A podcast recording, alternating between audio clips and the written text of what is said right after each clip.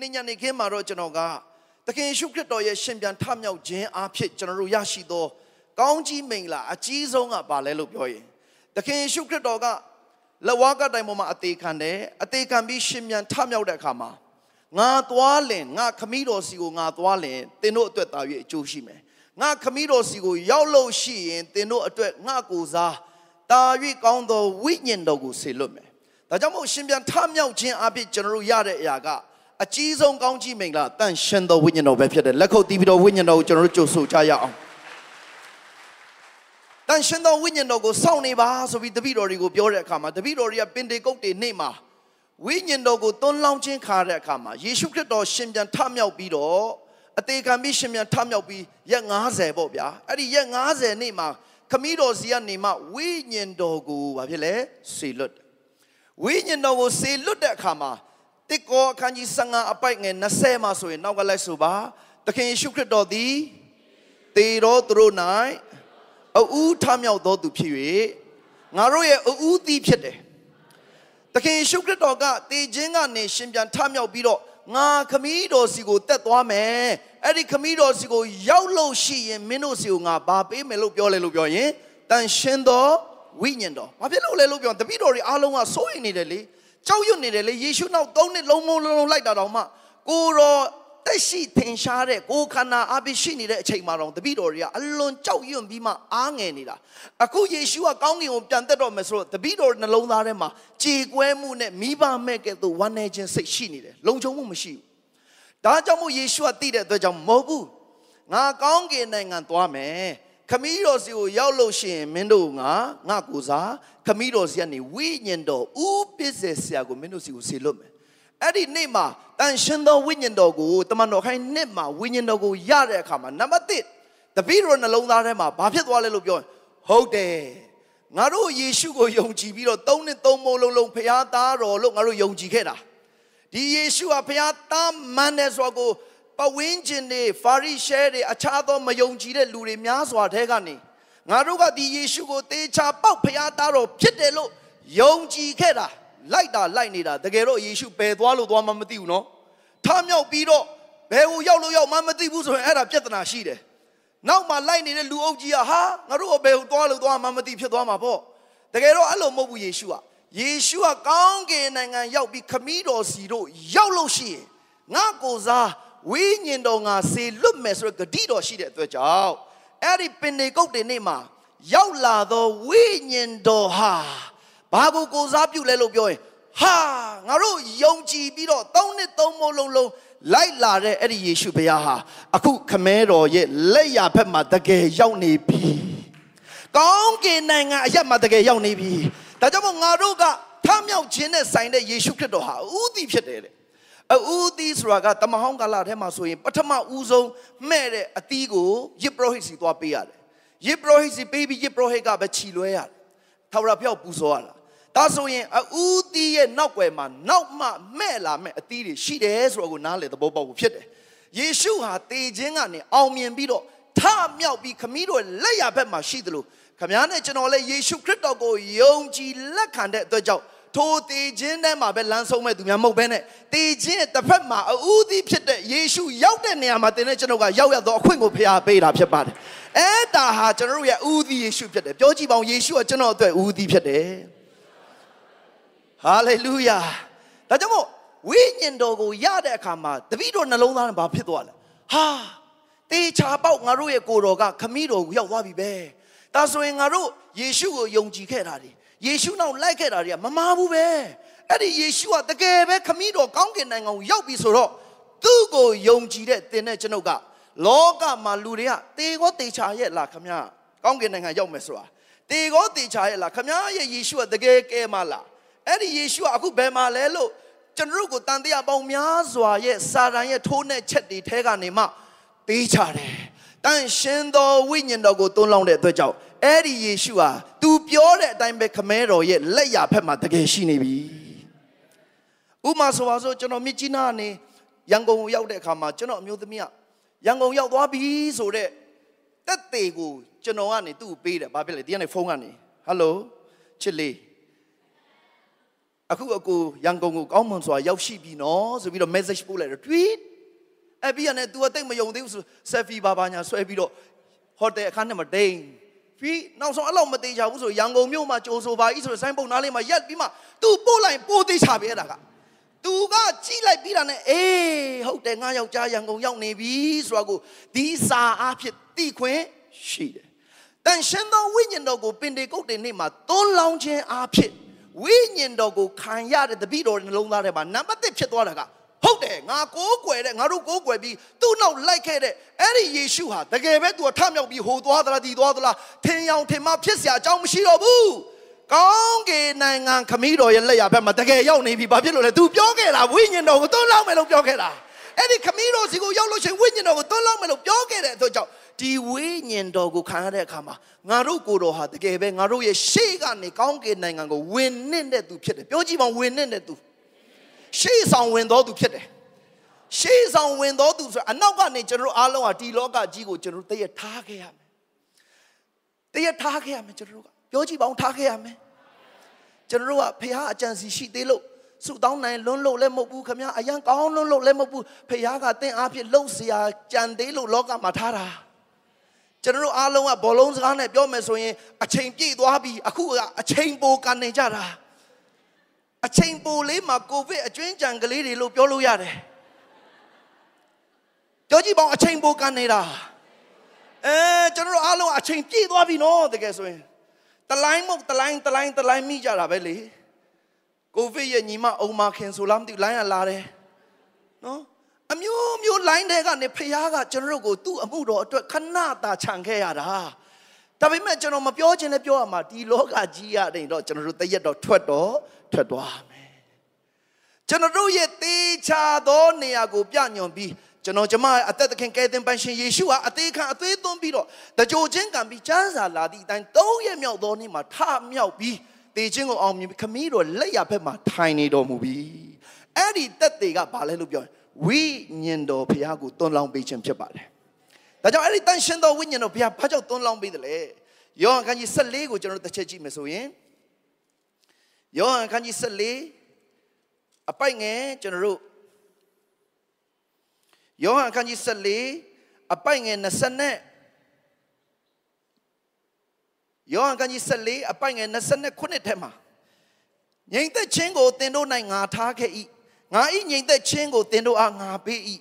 လောကီသားတို့ကိုပေးတဲ့ကဲ့သို့ငါပေးသည်မဟုတ်သင်တို့စိတ်နှလုံးပူပန်ခြင်းစိုးရိမ်တုန်လှုပ်ခြင်းမရှိစေနှင့် ငါသည်ယခုသွားတော်လဲသင်တို့စီတို့လာအောင်မီဟုငါပြောသောစကားကိုသင်တို့ကြားပြီသင်တို့သည်ငါကိုချစ်လင်ခမည်းတော်တန်တို့ငါသွားမီကိုဝမ်းမြောက်ကြလိမ့်မည်အကြောင်းမူကားငါခမည်းတော်သည်ငါထက်သာ၍ကြီးမြတ်တော်မူ၏အဲ့ဒီနေရာမှာသခင်ရှုခရစ်တော်ကတန်ရှင်သောဝိညာဉ်တော်ကိုစေလွတ်တဲ့အခါမှာဝိညာဉ်တော်ကိုမစေလွတ်ခင်မှာတပည့်တော်နှလုံးသားထဲမှာလေယေရှုကိုရှာတာရှာတာရှာတာရှာတာ မာကာဒလမာရိဆိုလည်းပဲအားလုံးသိတဲ့အတိုင်းပဲယေရှုခရစ်တော်ကိုတင်းချိုင်းတော်ထဲမှာနော်ဟိုသူတင်းချိုင်းတော်ထဲမှာ၃ရက်မြောက်သောနေ့မှာနက်နက်စောစောဘိတ်ဒီတင်းချိုင်းတော်ထဲကိုသွားတဲ့အဖွက်ထဲမှာမာကာဒလမာရိပါတယ်အဲ့ဒီမာကာဒလမာရိသွားတဲ့အခါမှာယေရှုကိုမတွေ့တော့ဘူးမတွေ့တော့တဲ့အခါယေရှုမှမမတ်မိတော့တဲ့အထိရှင်ပြန်ထမြောက်ပြီလေဗျဘုံပွင့်သွားပြီတာမန်သူတို့ထိတွေ့ခဲ့တဲ့ယေရှုလို့မဟုတ်တော့ဘူး ဘုံတကိုးနဲ့ပြေဝသွားတဲ့အခါကျတော့ယေရှုခရစ်တော်ကိုဥယျာဉ်ဆောင်လို့မှတ်တယ်ဟာကိုတော်မှန်တိသွားတဲ့အခါကျတော့ तू ကချက်ချင်းဖက်ပြီးတော့သူတို့နှလုံးသားထဲမှာဟာနေတယ်ဗျသူတို့နှလုံးသားထဲမှာခရစ်တော်ကိုပျောက်သွားမှအယံစိုးရင်ခရစ်တော်ကိုအယံစိုးရင်ဘာဖြစ်လို့လဲလို့ပြောရင်အဲ့ဒါနားလဲပါဝိညာဉ်တော်မလာသေးလို့သူတို့ရဲ့အတွင်းဝိညာဉ်ကငြိမ်သက်ခြင်းမရှိတာတမဟောင်းကာလမှာရှိတဲ့လူတွေရဲ့ဝိညာဉ်ရာကအဲ့ဒီအတိုင်းဖြစ်တယ်တမဟောင်းကာလထဲမှာဝိညာဉ်တော်ကိုသွန်းလောင်းခြင်းမရှိတဲ့အတွက်ကြောင့် ဘာသာရေးအရာတော့စီးမြင့်စည်းကမ်းတွေနဲ့နိဥပဒေတွေနဲ့ကိုးကွယ်ခြင်းကိုတွားခဲ့ပေမဲ့အတွင်းထဲမှာစိတ်ချမှုလူတိုင်းမရနိုင်ဘူးတမောင်းကာလမှာဘာဖြစ်လို့လဲလို့ပြောဝိညာဉ်တော်ကိုမပေးသေးဘူးတမန်တော်တွေကိုကြည်ပါတပည့်တော်တွေကိုယေရှုခရစ်တော်ကောင်းကင်နိုင်ငံတက်ကြွသွားပြီးတော့ဝိညာဉ်တော်ကိုစေလွတ်တဲ့အခါဝိညာဉ်တော်သူတို့အထက်မှာနေရာယူတဲ့အခါမှာယေရှုကိုထတ်ရှာတယ်ဆိုတာလည်းမတွေ့တော့ဘူးယေရှုကိုအတကုံမတွေ့မချင်းလိုက်ရှာတယ်ဆိုတာလည်းမတွေ့ရတော့ဘူး တကိုးနဲ့အရှိန်နဲ့ယေရှုခရစ်တော်ရဲ့အကြောင်းကိုဟောပြောလာတယ်ဆိုတော့တွေ့ရတယ်။ဘာဖြစ်လို့လဲလို့ပြောရင်အဲ့ဒီယေရှုခရစ်တော်ဟာအဲ့ဒီယေရှုခရစ်တော်ရဲ့ထမြောက်ခြင်းအဖြစ်ဝိညာဉ်တော်ဟာအဲ့ဒီယုံကြည်သောသူတွေရဲ့နှလုံးသားအတွင်းဝိညာဉ်ကိုအသက်ရှင်စေတဲ့အတွက်ကြောင့်ခရစ်တော်နဲ့ဆိုင်သောအရာတွေကိုဖော်ပြတဲ့အတွက်ကြောင့်ယေရှုကိုကိုယ်ခန္ဓာအားဖြင့်မမြင်ရတော့လဲပဲဝိညာဉ်တော်သူတို့အထက်မှာအသက်ရှင်သွားတဲ့အတွက်ကြောင့် သူတို့အထက်မှာခရစ်တော်နဲ့ပြည့်ဝနေတယ်တမာတရားနဲ့ပြည့်ဝနေတယ်ဝမ်းမြောက်ခြင်းနဲ့ပြည့်ဝနေတယ်ဘုရားရှင်နာမှာဘုန်းကြီးပါစေဘုရားရှင်နာမှာဘုန်းကြီးပါစေတမဟောင်းမှာအဲ့ဒါတွေမရှိဘူးဒါပေမဲ့ဂျေဇုတော်ထဲမှာယေရှုရှင်ပြန်ထမြောက်ခြင်းအဖြစ်ဝိညာဉ်တော်တက်ရောက်လာတဲ့အခါမှာအထက်မှာသူတို့ဝမ်းမြောက်နေတယ်တမန်တော်ပေတရုဆိုရင်ကြည်ပါတရားတခါဟောတဲ့လူတုံးထောင်ပြောင်းလဲတယ်ပညတ်တော်10ပါးကိုပေးတဲ့တိနာတောင်ပေါ်မှာအဲ့ဒီပေးတဲ့နေ့မှာပဲလူတုံးထောင်တည်တယ်ဘာဖြစ်လို့လဲလို့ပြောရင် သေစေတတ်သောတရားလေအဲ့ဒီပညတ်တရားကသေစေတတ်တဲ့တရားကအသက်ကိုမပေးဘူးဒါပေမဲ့ယေရှုခရစ်တော်ရှင်ပြန်ထမြောက်ပြီးရပောင်း90မှာပင်တေကုတ်တေနေ့မှာဝိညာဉ်တော်သွန်းလောင်းလိုက်တဲ့အခါမှာအဲ့ဒီဝိညာဉ်တော်သွန်းလောင်းခြင်းကိုခံယူသောတမန်တော်တယောက်ကတရားထဟောတဲ့အခါမှာလူတုံးထောင်အသက်ရှင်ခြင်းတို့ကူးမြောက်တယ်ဘုရားရှင်နာမဘုန်းကြီးပါစေအဲ့ဒါကဝိညာဉ်တော်တရားဖြစ်တယ်ဒါကြောင့်ချစ်တော်ညီကိုမောင်တို့ ယနေ့တင့်ထဲမှာဝိညာဉ်တော်ရလာတဲ့အခါမှာကျွန်တော်တို့ဒီနေ့ဘာခံစားလဲငါဖရားသားဖြစ်တယ်လို့အတွင်းဝိညာဉ်ထဲကဝိညာဉ်တော်ကတင့်ကိုတက်သေးခံပြီးတယ်တမဟောင်းကာလထဲမှာကျွန်တော်တို့လိုအခုဖျောက်မှတ်တော်သူဖြစ်တယ်တန်ရှင်းတော်သူဖြစ်တယ်ငါဖျားသားဖြစ်တယ်ငါကောင်းကင်နိုင်ငံမှာတေချာပေါက်ကောင်းကင်နိုင်ငံရောက်ပြီဆိုရက်စိတ်ချမှုတမဟောင်းကာလကလူတွေကအတွင်းသက်တည်မရဘူးသူတို့ယနေ့ခမည်းနဲ့ကျွန်တော်ကဘာကြောင့်ရတယ်လဲလို့ပြောရင်ယေရှုခရစ်တော်ရှင်ပြန်ထမြောက်ခြင်းအဖြစ်ဝိညာဉ်တော်ကိုဝင်လိုက်ထွက်လိုက်မဟုတ်တော့ဘူး တင်တို့၌သာဝရတည်နေစေခြင်းကဝိညာဉ်တော်ငါပေးမယ်သင်တို့အထဲမှာငြိမ်သက်ခြင်းငါပေးမယ်ဟာလေလုယာထိုဝိညာဉ်တော်ဟာသင်တို့အထဲမှာတည်နေမယ်ဒါကြောင့်မို့တမန်တော်ပေါလုကပြောတာဗောတင်တို့ရဲ့ကိုယ်ခန္ဓာဒီတန်ရှင်းသောဝိညာဉ်တော်ကျင်းဝတ်သောပြောကြည့်ပါဦးကျင်းဝတ်သောဝင်လိုက်ထွက်လိုက်မဟုတ်ဘူးသူကကျင်းဝတ်သောကိုယ်ခန္ဓာဖြစ်တယ်ဗိတ်မန်တော်ဖြစ်တယ်လို့သူပြောတာတမန်တော်ကလာထဲမှာဖခင်ကလူအထဲမှာလာနေတယ်ဆိုတော့မတွေ့ရဘူးဒါပေမဲ့ဒီခရစ်တော်အသေးခံခြင်း တကြိုခြင်းရှင်ပြန်ထမြောက်ခြင်းနောက်ပိုင်းမှာတော့လူရဲ့အထဲမှာတင်းရဲ့အထဲမှာတန်ရှင်းသောဝိညာဉ်တော်လာရောက်ကျင်းဝတ်ပြီးအဲ့ဒီဝိညာဉ်တော်ကတင့်ကိုဘာပြောလဲလို့ပြောတယ်တင်းဟာဖရာသားဖြစ်တယ်လို့သူပြောတယ်တင်းဟာဖြောက်မှတ်တော်သူဖြစ်တယ်လို့ပြောတယ်တင်းဟာအပြစ်ခွင့်လွတ်ခံတော်သူဖြစ်တယ်လို့ပြောတယ်တင်းဟာဖရာရဲ့ကောင်းကင်နိုင်ငံသားဖြစ်တယ်လို့သူကပြောတယ်ယောမအခန်းကြီး၈အပိုင်ငယ်16လောက်ကိုကြည့်အောင်ယောမဩရစာ ယောမဩရစာအခန်းကြီး၈အပိုင်ငယ်16ယောမ၈အပိုက်ငယ်16အားလုံးဖတ်ရအောင်ငါတို့သည်ဖျားသခင်ဤတာဖြစ်ကြသည်ဟုဝိညာဉ်တော်သည်ငါတို့ဤဝိညာဉ်နှင့်အတူတက်သေးခံတော်မူ၏နောက်ကပြန်နောက်တစ်ချိန်ပြန်ဆိုရအောင်ငါတို့သည်ဘုရားသခင်တာဖြစ်ကြသည်ဟုဝိညာဉ်တော်သည် ငါတို့ဤဝိညာဉ်နှင့်အတူတက်သေးခံတော်မူ၏အဲ့ဒါကတန်ရှင်းသောဝိညာဉ်တော်ကိုရခြင်းအတွင်းသက်သေနံပါတ်1ဖြစ်တယ်။သင်ဟာသင်ရဲ့ဝိညာဉ်ကဖြောင့်မတ်ခြင်းခါတယ်။ကဲသင်ခြင်းခါတယ်ဆိုရင်ဘယ်ဆရာကမှမင်းဖြောင့်မတ်ပြီနော်။မင်းတန်ရှင်းပြီနော်ဆိုပြီးတော့အပြင်ကသက်သေအရင်ဦးဆုံးမရနေပါစေ။တန်ရှင်းသောဝိညာဉ်တော်ကသင်ရဲ့ဝိညာဉ်ကိုသက်သေခံပေးတာဖြစ်တယ်။အဲ့ဒါကသက်သေရတဲ့သူတိုင်းကဝိညာဉ်တော်ကပေးသောသက်သေဘုရားရှင်နာမှာဘုန်းကြီးပါစေ။ အဲ့ဒီဝိညာဉ်တော်ကတင့်ကိုမင်းကအပြစ်ရှိသေးတယ်မင်းကတော့အိုးဒီကောင်းကြီးပဲရမလဲမင်းကတော့လောကသားပဲလို့တက်တယ်မခံဘူးအဲ့ဒီဝိညာဉ်တော်ကတမာတရားနဲ့ပြည့်စုံသောဝိညာဉ်တော်ချစ်ချင်းမေတ္တာနဲ့ပြည့်စုံသောဝိညာဉ်တော်ဖြစ်တဲ့အတွက်ကြောင့်တင့်ကိုအမြဲတမ်းတတိပေးနေတာတင်းဟာဖရာသားဖြစ်တယ် သင်ဟာဖြောက်မှတ်တော်သူဖြစ်တယ်။သင်ဟာလောကကိုအောင်တော်သူဖြစ်တယ်။သင်ဟာတန်ရှင်းတော်သူဖြစ်တယ်။သင်ဟာဘုရားရဲ့မျက်နှိုးခြင်းခံတော်သူဖြစ်တယ်။ဘုရားရှင်နာမဘုန်းကြီးပါစေ။ဝိညာဉ်တော်ကအပြစ်ကိုပဲဖော်ပြတဲ့တခါတည်းထောက်လန်းရေးလို့လို့ဘာလို့လို့မဟုတ်ဘူးနော်။ကျမ်းစာတီလို့ပြောတယ်နောက်ကလိုက်ဆိုပါငါတို့သည်ဘုရားသခင်သားသမီးများဖြစ်ကြောင်းကိုငါတို့ဝိညာဉ်နဲ့အတူတန်ရှင်းသောဝိညာဉ်တော်သည်တက်သေးခံတယ်။တက်သေးခံတယ် ဝိညာဉ်တော်ကပေးတဲ့တက်တဲ့အကြီးဆုံးသင်ကိုတဖွားဖွားတတိပေးနေတာကသင်ဟာယေရှုအပြည့်ဖြောက်မှတ်တော်သူဖြစ်တယ်။သင်ဟာဖြောက်မှတ်တော်သူတန်ရှင်းတော်သူလက်မြောက်တော်သူဖြစ်တယ်။လက်ခုပ်တီးပြီးတော့ဝိညာဉ်တော်ဂုဏ်ပြုကြရအောင်။အဲ့ဒါကဖခင်ရဲ့ကြီးမားတဲ့အတွင်းရဲ့တက်သေးဖြစ်တယ်။နော်။အဲ့ဒါကကြီးမားဆုံးသောတက်သေးပဲ။အဲ့ဒါကိုဘယ်သူမှလာလူယူလို့မရဘူး။ရှင်ပြန်ထမြောက်ပြီးတဲ့နောက်ပိုင်းမှာဝိညာဉ်တော်ရောက်လာသောအကြောင်းရင်းကအဲ့ဒါဖြစ်ပါတယ် ဒုတိယအကြောင်းရင်းကတော့အဲ့ဒီဝိညာဉ်တော်ကကျွန်တော်တို့ကိုဗာပေးလေသူ့ရဲ့ဘုံတော်ဆက်လက်ထင်ရှားစေအောင်ကျွန်တော်တို့ကိုဖခင်ရဲ့ဗိသိက်ချင်းကိုစေလွတ်တယ်တမန်တော်ခိုင်းတဲ့အပိုင်ငယ်ရှစ်ထဲမှာဆိုရင်ယေရုရှလင်မှာစောင့်နေဖို့သူ့တပည့်တော်တွေကိုပြောတယ်ဖခင်ယေရှုကမင်းတို့တွေဆက်မသွားနဲ့ဝိညာဉ်တော်ရဲ့ဗိသိက်ချင်းဝိညာဉ်တော်သွန်းလောင်းလာမယ်အဲ့ဒီမှာစောင့်နေပါအမှုတော်မဆောင်ခိုင်းဘူးဘာဖြစ်လို့လဲလို့ပြောရင်ဗိသိက်ချင်းဝိညာဉ်တော်မရမချင်း ဒီနေ့ဘလို့မှဖခင်ရဲ့တက်တွေကိုမပြုတ်နိုင်ဘူးဆိုတော့ယေရှုကောင်းသိတယ်သူတို့ကတကယ်တော့တရားမဟောတတ်တာမဟုတ်ဘူး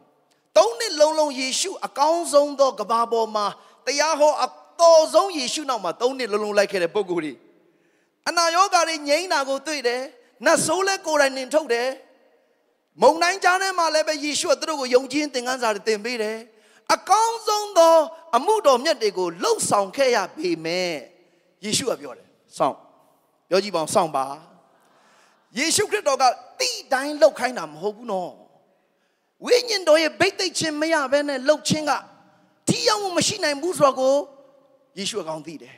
ဒါကြောင့်ဝိညာဉ်တော်ကိုပေးရခြင်းရဲ့ရွယ်ချက်ကိုကသူ့ရဲ့သက်သေဖြစ်စေဖို့အတွက်သူ့တမန်တော်ရဲ့တပည့်တော်ရဲ့အသက်တာရဲ့တည်ခြင်းတတ်ခြင်းတွေအပေါ်မှာမဟုတ်ဘဲနဲ့ဝိညာဉ်တော်ကိုစောင့်ပါငါပေးမဲ့ဝိညာဉ်တော်စောင့်ပါ အဲ့ဒီဝိညာဉ်တော်ဟာငါထက်တာ၍မင်းတို့ကိုကြီးသောအမှုတွေကိုပြုခိုင်းလိုက်မယ်ညီကောင်မောင်တို့လောက်တာတိတာတွေလောက်တာတွေမတိလို့မဟုတ်ဘူးတပည့်တော်တွေကအကုန်တိပေမဲ့ဖခင်ရဲ့ဝိညာဉ်တော်ရောက်လာဖို့အတွက်စောင့်ခိုင်းတယ်ယေရှုကကျွန်တော်တို့ကျမ်းစာကိုကြည့်တဲ့အခါမှာယောဟန်အခန်းကြီး1ထဲမှာဆိုရင်ယေရှုခရစ်တော်ရဲ့ဗတ္တိဇံအခန်းကြီး1ထဲမှာဆိုယေရှုခရစ်တော်ဗတ္တိဇံခံတယ်ဆိုတာတွေ့ရတယ်ယောဟန်ကဗတ္တိဇံယောဟန်ကယင်းနေချင်းပေးတဲ့အခါမှာနောက်ကလိုက်ဆိုပါကောင်းကင်မှာ ဂျိုးငက်ကဲ့သို့ဝိညာဉ်တော်သည်ခရစ်တော်ပေါ်၌ဆင်းသက်သည်ကိုငါမြင်၏ပရိသန်ယောဟန်ကသူ့ကိုယ်တိုင်မြင်တယ်အဲ့ဒီဝိညာဉ်တော်ကိုယေရှုပေါ်မှာဆင်းသက်တာသူ့ရဲ့ဇာတိမျက်လုံးနဲ့သူကိုယ်တိုင်ဝိညာဉ်တော်ကဂျိုးငက်ကဲ့သို့သခင်ယေရှုခရစ်တော်ကိုယ်ပေါ်မှာဆင်းသက်တယ်ဒါဆိုရင်သခင်ယေရှုခရစ်တော်ကဘလို့ပုံစံနဲ့မွေးဖွားလာတယ်လူစားတိမှာကျွန်တော်ကြည့်အောင် မတဲထဲမှာဆိုရင်ကြည့်တဲ့အခါမှာမာရိကကျမဟာအပြိုကညာဖြစ်တဲ့အတွက်ကြောင့်ဒီကလေးမွေးမဲ့ကိစ္စကြီးကဘလို့မှမဖြစ်နိုင်ပါဘူးဘုရားသခင်လို့သူပြောတဲ့အခါမှာအေမှုသည်တဲ့လူအားဖြစ်ဖြစ်တာမဟုတ်ဘူးဤတန်ရှင်းသောဘုရားရဲ့သားတော်ဟာတင်းရဲ့ဝန်းပိုက်ထဲမှာနောက်ကလိုက်ဆိုပါတန်ရှင်းသောဝိညာဉ်တော်ဤတကိုးတော်အားဖြစ်ဖြစ်လိမ့်မည်ကဲကြည့်ပါသခင်ယေရှုခရစ်တော်ကိုလူဇာတိအဖြစ်မွေးဖွားစေတာကတန်ရှင်းသော ဝိညာဉ်တော်ဖြစ်တယ်အမှုတော်မြတ်ထဲမှာပါဝင်ဖို့အတွက်ဝိညာဉ်တော်ကသူ့ရဲ့ပခုံးပေါ်မှာသူ့ရဲ့ကိုယ်ခန္ဓာပေါ်မှာဆင်းသက်တယ်ဒီနှမျိုးကိုတွေ့ရတယ်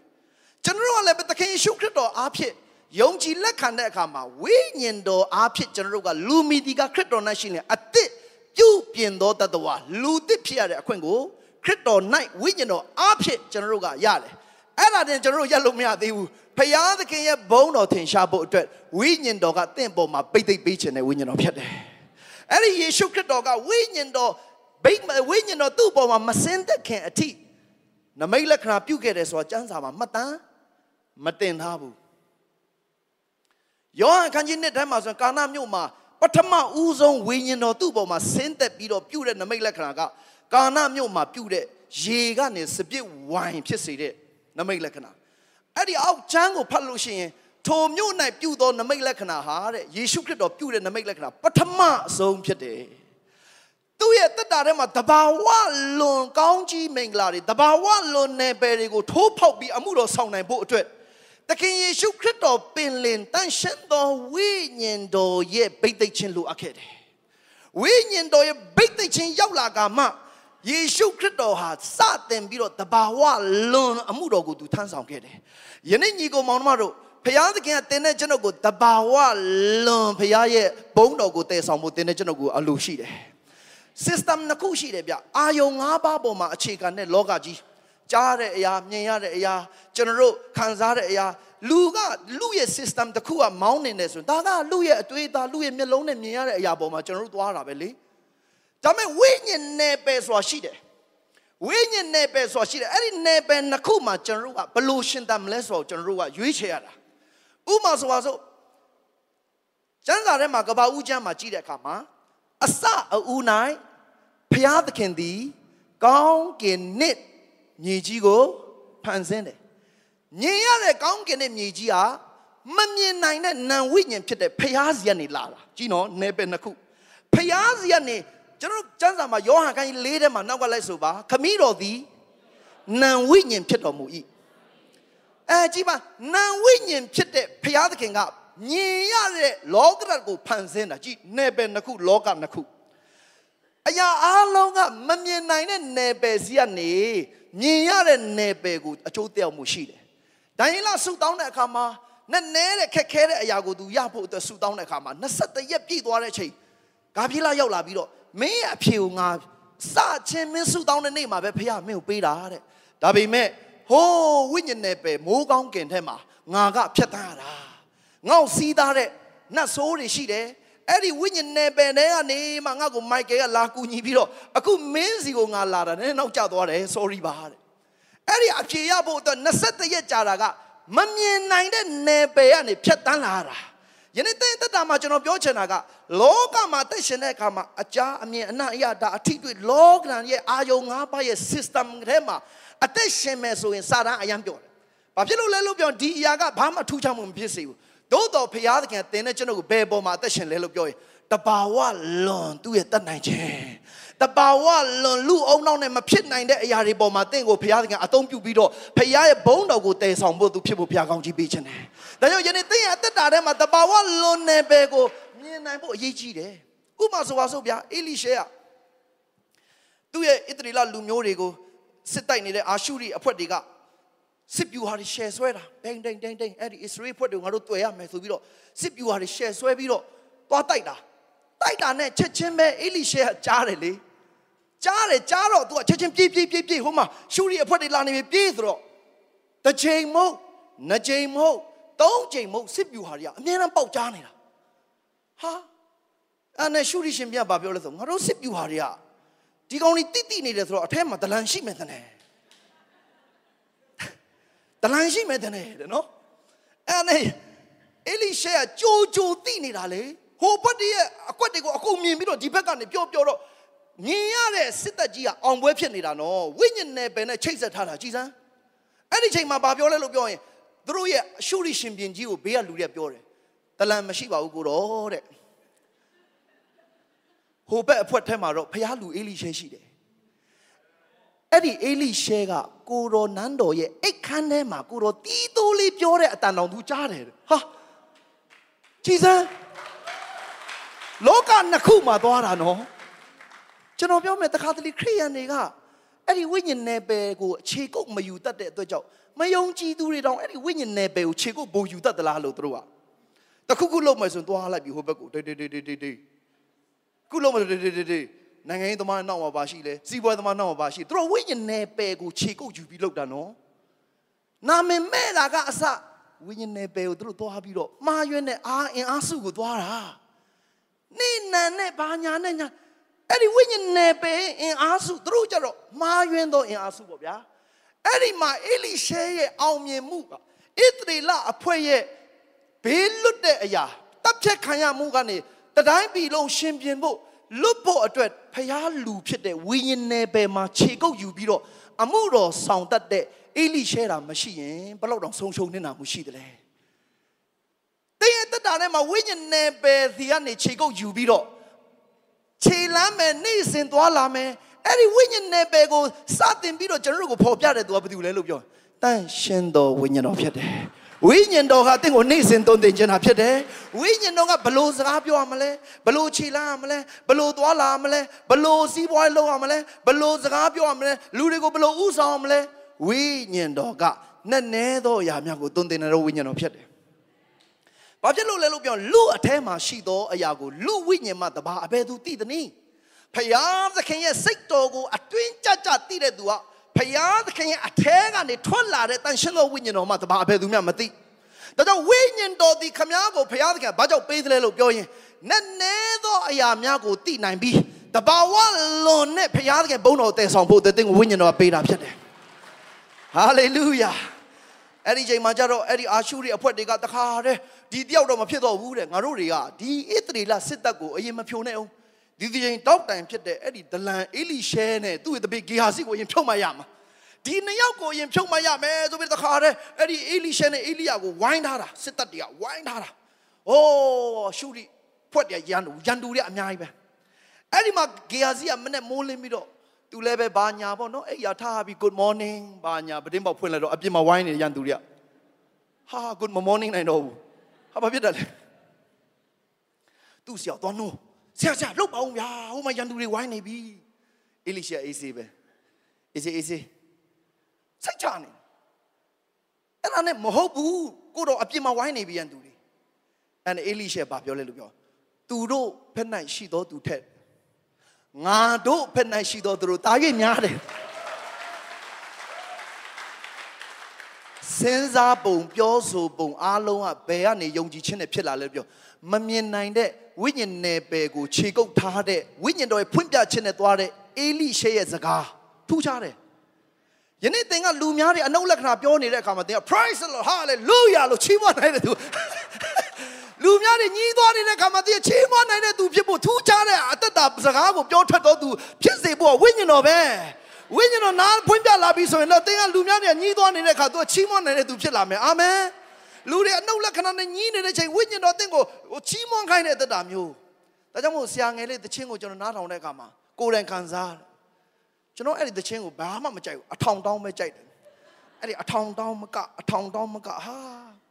သူ့သချင်းစာပြောင်းလိုက်ပါလို့အဲ့ဒီသချင်းဟိုအထောင်တောင်းမကအဲ့ဒီမှာအေလိရှဲဘာပြောလဲလို့ပြောသူတို့၌ရှိသောလူဦးရေထက်ငါတို့ဘက်၌ရှိသောလူကြီးပိုများတာကေယာစီကြောင်လဲမှာသူတပည့်လည်းနားမလည်နိုင်ဘူးလေနားမလည်နိုင်ဘူးသူတဲ့ဘာကိုတော့ဘာပြောတာလဲကဲကြီးကြီးဟိုကောင်းကြီးတဲ့လူ9000 6000တက်ရင်လိုက်လာတယ်လေတတ်မဟာလိုက်လာတော့ထောင်တန်းဖြစ်တယ်ကဲငါတို့ညောက်ကြီးတစ်သူ့ဆရာနှစ်နှစ်ဟုတ်ပဲထိုက်ကြီး တစ်နှစ်ထိုက်ကြီးတစ်နှစ်မတက်တော့ဘူးညင်ရသောအာယုံရဲ့ system ထဲမှာသွားနေတာ तू ကညင်ရတဲ့အာယုံမှာပဲ तू ချုပ်ထားတာဒါပေမဲ့အေလိရှဲကဆုတောင်းတယ်ကိုတော့အဖအဖကျွန်တော်ရဲ့ဒီတပည့်လေးကိုဗျာဝိညာဉ်နယ်ပယ်ကိုမြင်နိုင်ဖို့ကိုတော့ဖွင့်ပေးပါမျက်စိသူ့ရဲ့မျက်လုံးကကားနေတာမဟုတ်ဘူးနော်ဝိညာဉ်နယ်ပယ်ကိုဖွင့်ပေးပါအဲ့ဒီချိန်မှာဝိညာဉ်နယ်ပယ်ကိုဖွင့်ပေးလိုက်တဲ့အခါမှာ တတောင်လုံးမှာထာဝရဖျားကောင်းကင်တမန်တွေကပြည့်ရှံလက်ရှိနေတာဟာလေလုယာဟာလေလုယာဒီတိုင်းမှာကျွန်တော်တို့တွေဒီတိုင်းမှာလူပေါင်း600 900ကျွန်တော်တို့ဝုပြုကိုးကွယ်ကြမယ်လူထောင်နဲ့ချီဝုပြုကိုးကွယ်ကြမယ်ဒါမဲ့ဒါကမြင်ရတဲ့လူကြီးဖြစ်တယ်ဒီထဲမှာကျွန်တော်ယုံကြည်တာထာဝရဘုရားကောင်းကင်တမန်နဲ့ကျွန်တော်တို့နဲ့သူဝတ်ပြုနေတာဖြစ်တယ်။တန်ရှင်သောဝိညာဉ်တော်ကိုလက်ခုပ်တီးပြီးတော့ကြိုဆိုကြရအောင်။ဝိညာဉ်တော်ကျွန်တော်အလယ်မှာနေရာယူနေတာဖြစ်တယ်။ဒါက ဝိညာဉ်နယ်ပယ်တဲ့ကိုခြေကုပ်ယူထားသောစကားပြောခြင်းဝိညာဉ်နယ်ပယ်ကိုခြေကုပ်ယူပြီးတော့စီးပွားရေးလုပ်ခြင်းဝိညာဉ်နယ်ပယ်ထဲမှာတဘာဝလိုနယ်ပယ်ထဲမှာဖခင်ဉာဏ်ပညာကိုပေးသောဝိညာဉ်တော်နဲ့အတူတကွရှင်သွဲမိတ္တာဖွဲ့ပြီးတော့တွာလာခြင်းအမှုတော်ဆောင်ခြင်းအမှုတော်ဆောင်ခြင်းစီးပွားရေးလုပ်ခြင်းတမှုထူးခြားတဲ့တသက်အသင်ကိုဖခင်ပေးမယ်။ ဒါကြောင့်မို့ညီကိုမောင်နှမတို့ငါပြုတ်သောအမှုထက်ကြီးသောအမှုကိုတာ၍ပြုတ်မယ်လို့တပည့်တော်တွေကိုယေရှုဘာကြောင့်ပြောခဲ့တယ်လဲလို့ပြောရင်ဝိညာဉ်တော်အားဖြင့်ပြုတ်နိုင်မဲ့အရာကိုပြောခဲ့တာလေယေရှုခရစ်တော်ကအရေးနဲ့လူတွေကိုကြမ်းမာခြင်းမပေးခဲ့ဘူးနော်ဒါပေမဲ့တမန်တော်ပေါလုတို့အဖွဲ့တွေပေသရုတို့အဖွဲ့တွေကအရေးကိုထိလိုက်တဲ့လူနာနဲ့ကြမ်းမာတယ်ဘာဖြစ်လို့လဲလို့ပြောရင်အဲ့ဒါကယေရှုတဲ့ပို့ပြီးကြွားဖို့တော့မဟုတ်ဘူးတာ၍လုံနိုင်ဖို့ကျွန်တော်တို့ယေရှုဘုရားကဆရာသမားကောင်းအလွန်ပြီးသားသောယေရှုဖြစ်တယ် လောကရဲ့ဆရာသမားတွေကတော့တကွက်စားချန်တယ်လေယေရှုကတော့တကွက်စားမဟုတ်ဘူးကိုယ့်ထက်သားလေသူကချီးမြှောက်လေသူ့ထက်သားလေဝမ်းမြောက်လေဒါကြောင့်မို့တင့်ကိုလည်းပဲခရစ်တော်ကကျွန်တော်တို့ခရစ်တော်ကဆိုယေရှုခရစ်တော်ခရစ်တော်လေရင်မစည်းဘူးလေကျွန်တော်တို့ကယေရှုတော်ကြောင့်လေရင်စီးခွင့်ရတယ်ယေရှုခရစ်တော်ခင်တော့အဲ့အဲ့တဲ့နေရာတော့မရှိဘူးလေကျွန်တော်တို့ကဟိုတယ်တွေတိတ်အိတ်ခဲ့ရတာတခုဆိုကျွန်တော်တို့ဟိုတယ်ဆရာဆောင်ပြီးဆိုနှစ်နေရာတော့ပြောင်းပေးတာတနေရာမှာအဆင်မပြေဘူးအာဆရာရနောက်တနေရာအဲကျွန်တော်ပြောတယ်ဆရာ တလလုံးတဲချင်တဲနော်အမလေးစေတနာကောင်းတယ်ဟောဂျေစုတနေအဲကွန်လေးနဲ့တရားဟောပြန်ပြီးတော့အနာယူဩဘုရားနဲ့အချိန်ယူဂျေစုတော်ချီးမွမ်းကျွန်တော်တို့ပင်ပန်းတဲ့အရာတွေယေရှုကိုဂျေစုတနေယေရှုကကျွန်တော်တို့ကြည့်ပြီးတော့ဘာဖြစ်ဘာပြောလဲတင်တို့အတွက်ငါအဖို့ခပေးခဲ့တာတင်တို့အတွက်ငါအစင်ရခံခဲ့တာတင်တို့အောင်မြင်ဖို့အတွက်ငါလဝါကတိုင်ပေါ်မှာရှုံးနေခံခဲ့တာငါထက်တာ၍လုံနိုင်ဖို့အတွက်ဝိညာဉ်တော်ကိုတင်တို့ငါပေးမယ် ဒါကြောင့်တစ်ကောထဲမှာဆိုရင်နောက်ကလိုက်ဆိုပါထိုနဲ့နဲသောအရာတို့ကိုဝိညာဉ်တော်သည်ပေါ်ပြတော်မူ၏ဒါကြောင့်ဝိညာဉ်နယ်ပယ်ထဲမှာခြေကုပ်ယူပြီးတော့ဝိညာဉ်တော်ရဲ့တဘာဝလွန်နယ်ပယ်ထဲမှာတန်ရှင်းသောဝိညာဉ်တော်ရဲ့ဖွင့်ပြခြင်းနဲ့အမှုတော်ဆောင်ဖို့အရေးကြီးပါတယ်။သခင်ယေရှုခရစ်တော်ကိုဖြစ်ပွားစေတာကမာရိပိုက်ထဲမှာယေရှုခရစ်တော်ကိုတရေတီစေတာကဘာတူလဲလို့ပြောရင်တန်ရှင်းသောဝိညာဉ်တော်။ ဒါဆိုရင်လူရဲ့လူဘိန်းစကားနဲ့ပဲကျွန်တော်ကျွန်တော်ခဏလေးပြောမယ်ဗျာ။ဝိညာဉ်တော်ကိုယေရှုကဘယ်လိုမိတ်ဆက်ခဲလဲလို့ပြော comforter နှစ်သိမ့်သောအရှင်ကူညီမဆသောသူလို့အသိပဲရတယ်ကျွန်တော်တို့ဘဝမှာတကယ်ကူညီတဲ့လူကဘာတူလဲလို့ပြောရင်မိတ်ဆွေတွေလည်းမှန်ပါတယ်တချို့တော့တငယ်ချင်းတွေလည်းမှန်ပါတယ်ဒါပေမဲ့ကျွန်တော်တို့ရဲ့မိဘတွေဖြစ်တယ်မိဘတွေဟာကျွန်တော်တို့သားသမီးတွေလိုအပ်ချက်တိုင်းကိုကူညီပေးချင်တယ်တခါတလေကျွန်တော်တို့စာရေးတယ် မဖြေနိုင်ဘူးဆိုရင်ကိုယ်တိုင်တောင်မှရေးပေးလိုက်ချင်တယ်ကူညီချင်တာမိဘတွေကကျွန်တော်တို့ကူညီချင်တယ်ယေရှုခရစ်တော်ကိုဖြစ်ပွားစေတာကတန်ရှင်းသောမာရိရဲ့ဝန်းပိုက်ထဲမှာတရေတီစေတာကဝိညာဉ်တော်ဖြစ်တဲ့အတွက်ကြောင့်တန်ရှင်းသောဝိညာဉ်တော်ကဘလို့မျိုးဖျားလဲလို့ကျွန်တော်ဝိညာဉ်တော်ကိုကျွန်တော်နားလေသလောက်ကျွန်တော်ရဲ့ဆက်ဆံရေးဝိညာဉ်တော်နဲ့ကျွန်တော်ဒီနေ့ဒီအကြောင်းဝင်လာတဲ့အတွေ့အကြုံရပြောမှဆိုရင်တန်ရှင်းသောဝိညာဉ်တော်ဟာဖခင်နှလုံးသားရှိတော်သူဖြစ်တယ် ဝိညာဉ်တော်ဟာကျွန်တော်ရဲ့ဖခင်ကဲ့သို့အမြဲတမ်းကျွန်တော်ရဲ့လိုအပ်သောအရာကိုမျက်စိထောက်ထောက်ကြည့်ရှုပြီးတော့ကူညီပြီးဖေးမဖို့အစဉ်သိရှိတော်ဝိညာဉ်တော်ဖြစ်တယ်။ဒါကြောင့်မို့ယေရှုခရစ်တော်ကိုဖြစ်ပွားစေတဲ့ဝိညာဉ်တော်က ကြည်စမ်းယေရှုရဲ့လောကမှာအမှုတော်ဆောင်တဲ့တောက်လျှောက်တကယ်ပဲနမိတ်လက္ခဏာတွေကိုထောက်ပံ့ခဲ့တာယေရှုကိုပင်လယ်လိုင်းလုံးထဲမှာကွယ်ကာခဲ့တာယေရှုခရစ်တော်လိုအပ်ရင်လိုအပ်တယ်လို့ဖခင်သခင်ကထောက်ပံ့ခဲ့တာတွေအားလုံးနမိတ်လက္ခဏာအားလုံးကဘသူတွေကြောက်လဲလို့ပြောဝိညာဉ်တော်ကယေရှုကိုထောက်ပံ့ခဲ့တာဒါကြောင့်မို့ယေရှုခရစ်တော်ကဘာပြောလဲလို့ပြောခမည်းတော်သည်ငါ့ကိုပြသောအရာကိုငါမင်းတို့ကိုပြောပြတယ် ခမည်းတော်ငါ့ကိုလှုပ်ပြတဲ့အရာကိုပဲမင်းတို့ငါလှုပ်ပေးနိုင်တယ်ခမည်းတော်ဆရာငါဘာမှမမြင်မင်းတို့ငါဘာမှပြလို့မရဘူးတဲ့ယေရှုရဲ့အမှုတော်ဆောင်ခြင်းအားလုံးကနောက်ွယ်ကဝိညာဉ်ရေးရတဘာဝလွန်နယ်ပယ်တွေကိုဖွင့်ပြနေတဲ့ဝိညာဉ်တော်ရှိတယ်ဗျအဲ့ဒီဝိညာဉ်တော်နဲ့တသားနဲ့သွားလာတတ်ပြီဆိုရင်ဝိညာဉ်တော်နဲ့ခမမိတ်တာဖွက်တတ်ပြီဆိုရင်ဝိညာဉ်တော်နဲ့ခမအာကိုတတ်ပြီဆိုရင်တန်ရှင်းသောဝိညာဉ်တော်ကနဲ့နဲသောຢာတွေကိုဖွင့်ပြလာမယ် လူတွေမမြင်နိုင်တဲ့ဥဒ္ဒရာရဲ့တစ်ဖက်မှာမြင်နိုင်တဲ့အစွမ်းတွေဖျားပေးလာလိမ့်မယ်အခက်ခဲပြဿနာတွေကဲ့သို့ခြီကျိုးတပင်ကိုအစအဆုံးဘယ်မှမသိသလိုလူတွေရှုပ်ရှက်ခတ်နေတဲ့အချိန်မှာဖခင်ကတင့်ကိုဝိညာဉ်တော်အဖြစ်မှန်ကန်စွာလိုအပ်တဲ့နေရာမှာမှန်ကန်သောတော့ချက်နဲ့ဖြည့်ရှင်းနိုင်တဲ့ခွန်အားတွေဝိညာဉ်တော်ပေးလာလိမ့်မယ်ဟာလေလုယာဒါဆိုဝိညာဉ်တော်ရဲ့ပိတ်သိခြင်းအကြောင်းကိုကျွန်တော်ကြည့်တဲ့အခါမှာအမှုတော်ဆောင်ခြင်းမှာလည်းဝိညာဉ်တော်ရဲ့ပိတ်သိခြင်းကဘယ်နေရာမှာကျွန်တော်စတွေ့လဲလို့ပြောတမဟောင်းကာလမှာကတည်းကတွေ့ရတယ် ကျွန်တော်ကျမ်းစာကိုကြည့်တဲ့အခါမှာကျွန်တော်တို့ထွမြောက်ရ31ထဲမှာထွမြောက်31ထဲမှာမောရှေရဲ့တဲတော်ကိုတွေ့ရတယ်မောရှေရဲ့တဲတော်ထဲမှာယစ်ပရောဟိတ်အာရုန်နဲ့သူ့ရဲ့သားတွေအမှုတော်ဆောင်ရတာပေါ့ဗျာအပိုက်ငယ်30စက်တစ်ကိုကျွန်တော်တို့ဖတ်ကြည့်အောင်နော်ထွမြောက်အခန်း31အပိုက်ငယ်30စက်တစ်အမှုတော်ကိုထမ်းเสียအဝတ်ယစ်ပရောဟိတ်အမှုကိုဆောင်သောအခါယစ်ပရောဟိတ်အာရုန်နဲ့ သူဤသားဝတ်ဖို့တန်ရှင်းသောအဝတ်ကို၎င်းလိမ့်စရာစီနှင့်တန်ရှင်းရာဌာန၌သုံးဖို့နတ်နာပေါင်းမွေးကို၎င်းငါမာထားသမျှအတိုင်းလောက်ရကြမည်ကိုမိန့်တော်မူ၏မောရှေတဲတော်ထဲမှာအမှုတော်ဆောင်ဖို့အတွက်အာဒုံနဲ့သူ့ရဲ့သားတွေကိုမဆောင်ခင်မှာဘာမှမလုပ်ခင်မှာ anointed ဘိတ်သိက်စီကိုလိမ့်ခိုင်းတယ်မောရှေအဲ့ဒါသိအရေးကြီးတယ်ဒီဝိညာဉ်တော်ကိုပုံဆောင်တဲ့စီအားဖြင့် အာရုံနဲ့သူ့ရဲ့သားသမီးတွေကိုဘိတ်သိက်မှပဲလူတွေရဲ့ပြဿနာကိုကူညီနိုင်မယ်ဒီတဲတော်ထဲမှာလူတွေရဲ့ပြဿနာတောင်းပေါင်း6000အကြီးမားဆုံးသောအပြစ်တွေဒုစရိုက်တွေကိုကင်သွေးဖြေရှင်းတဲ့အချိန်မှာဒီနေ့ကြိုက်တိုက်ခိုက်မှုတွေရှိမယ်ဝေဖန်မှုတွေရှိမယ်အမျိုးမျိုးခက်ခဲကြတဲ့မှာသူတို့ရဲ့အစွမ်းတကူခွန်အားနဲ့ပဲမလုပ်ခိုင်းပဲနဲ့ဝိညာဉ်တော်ရဲ့ဘိတ်သိက်ခြင်းစီကိုသူတို့ဘိတ်သိက်ခိုင်းတယ်ယနေ့ချစ်တော်ညီကောင်မောင်တို့တမဟောင်းကာလမှာတော့မှ ဘိတ်သိက်ချင်းရှိမှအမှုတော်ဆောင်ခဲ့နိုင်တယ်ဒီစီကလေးကပုံဆောင်ချက်လေးနဲ့တို့တော်ဒီနေ့မှာတော့သခင်ရှုခရစ်တော်ရှင်မြန်ထမြောက်ပြီးတော့ငါသွားလင်ခမည်းတော်စီကနေငါကိုစားတန်ရှင်းတော်ဝိညာဉ်တော်ပေးမယ်လို့ပြောခဲ့တဲ့ဂတိတော်ဟာယနေ့ပြည့်စုံပြီဖြစ်တယ်အဲ့ဒီဝိညာဉ်တော်ကိုတာ၍ကောင်းသောဝိညာဉ်တော်အဲ့ဒီဝိညာဉ်တော်ခမည်းနဲ့ကျွန်တော်ကရရှိပြီးတော့ခရစ်တော်ကိုယုံကြည်သောသူတို့အပေါ်မှာနိကောထဲမှာပြောလဲလို့ပြောခရစ်တော်၌တည်စေ၍ ဘိတ်သိက်ပေးတော်သူဟာခမည်းတော်ဘုရားပေသည်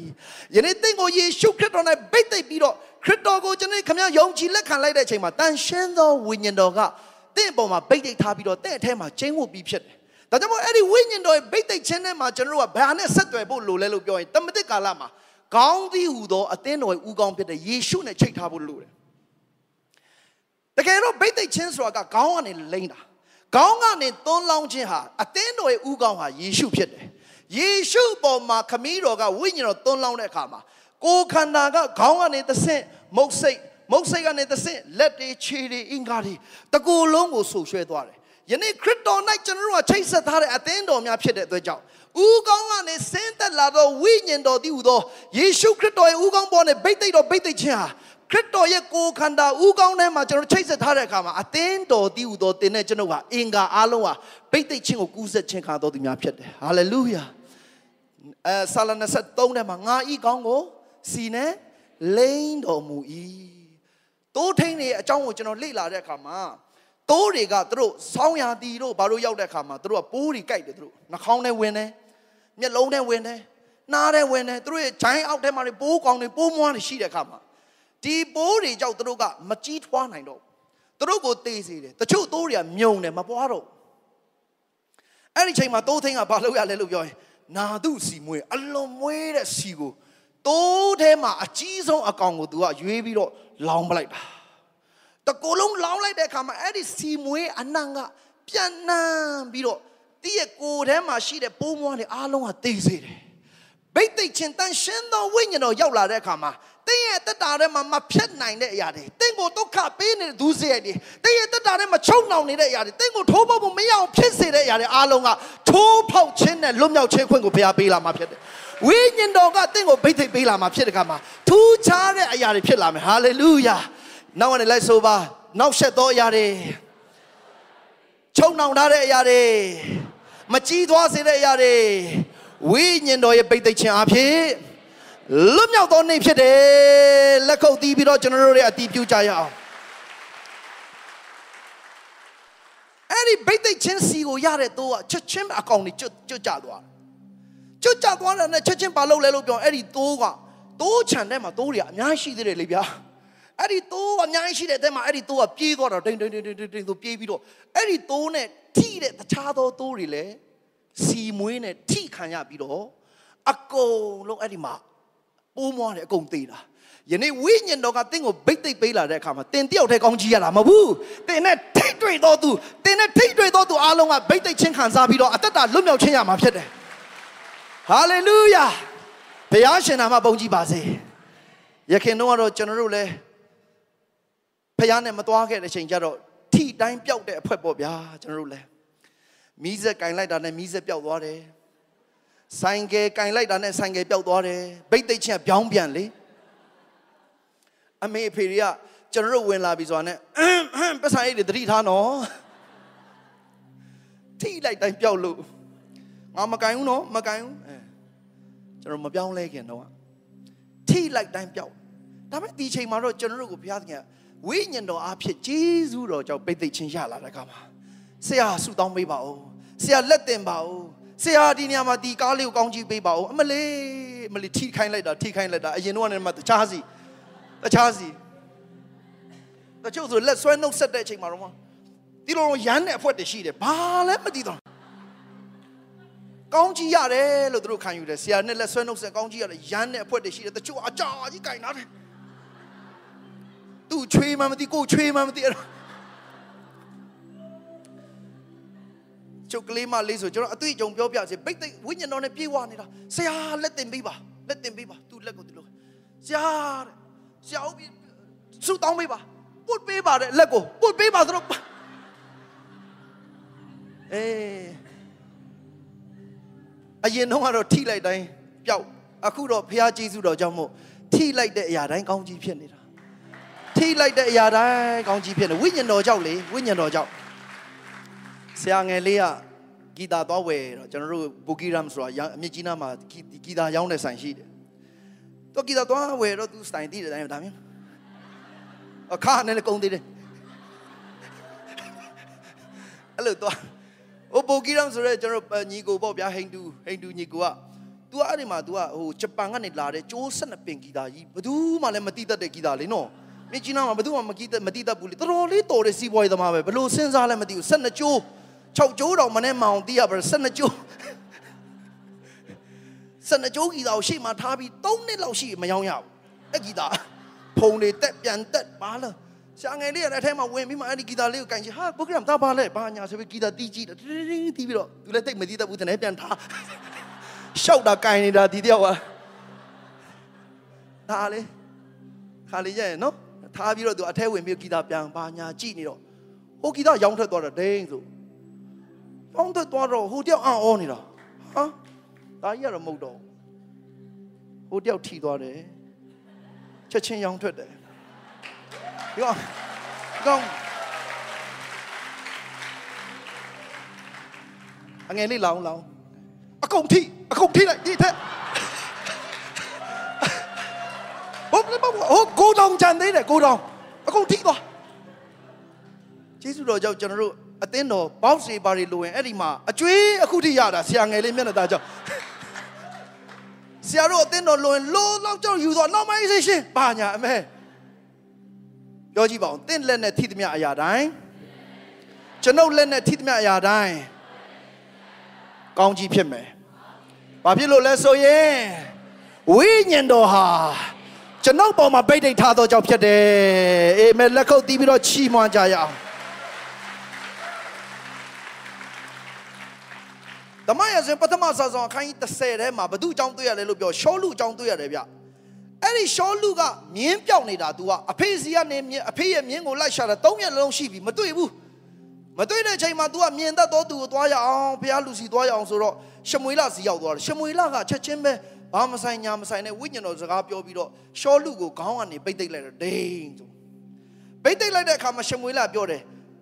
ရှောလူတဲ့မင်းအခုချိန်မင်းအဘရဲ့ အိမ်ကိုမင်းပြန်လိုက်တော့တယ်လမ်းမှာမင်းလူနှစ်ယောက်တွေ့လိမ့်မယ်အဲ့ဒီလူနှစ်ယောက်ကမင်းကိုဘာပြောမလဲလို့ပြောရင်မင်းအဘရဲ့မြင်းပြန်တွေ့ပြီပြောကြည့်ပါဦးပြန်တွေ့ပြီ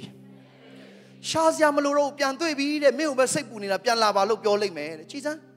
ဝိညာဉ်တော်ရဲ့ဗိတ်သိက်ချင်းရောက်လာတဲ့အခါမှာဗိတ်သိက်ချင်းမရောက်ခင်ရှာနေတဲ့စ조사ပြီးရှာနေတဲ့အရာတွေမတွေ့ဘူးပျောက်နေတဲ့အရာတွေဒါပေမဲ့ဝိညာဉ်တော်ဗိတ်သိက်ချင်းရောက်လာတဲ့အခါမှာသူ့ဘောရောက်လာတဲ့အခါမှာ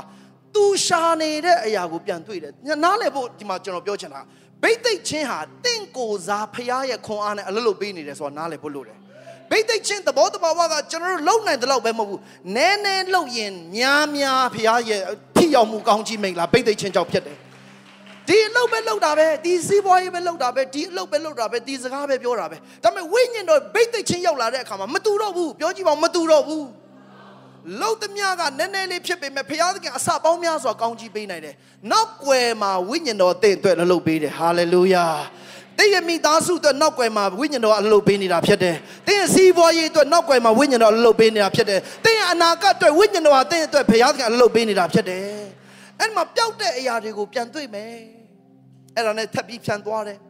။ထိုရမလွန်တော်အပိုင်ငယ်သုံးမှာ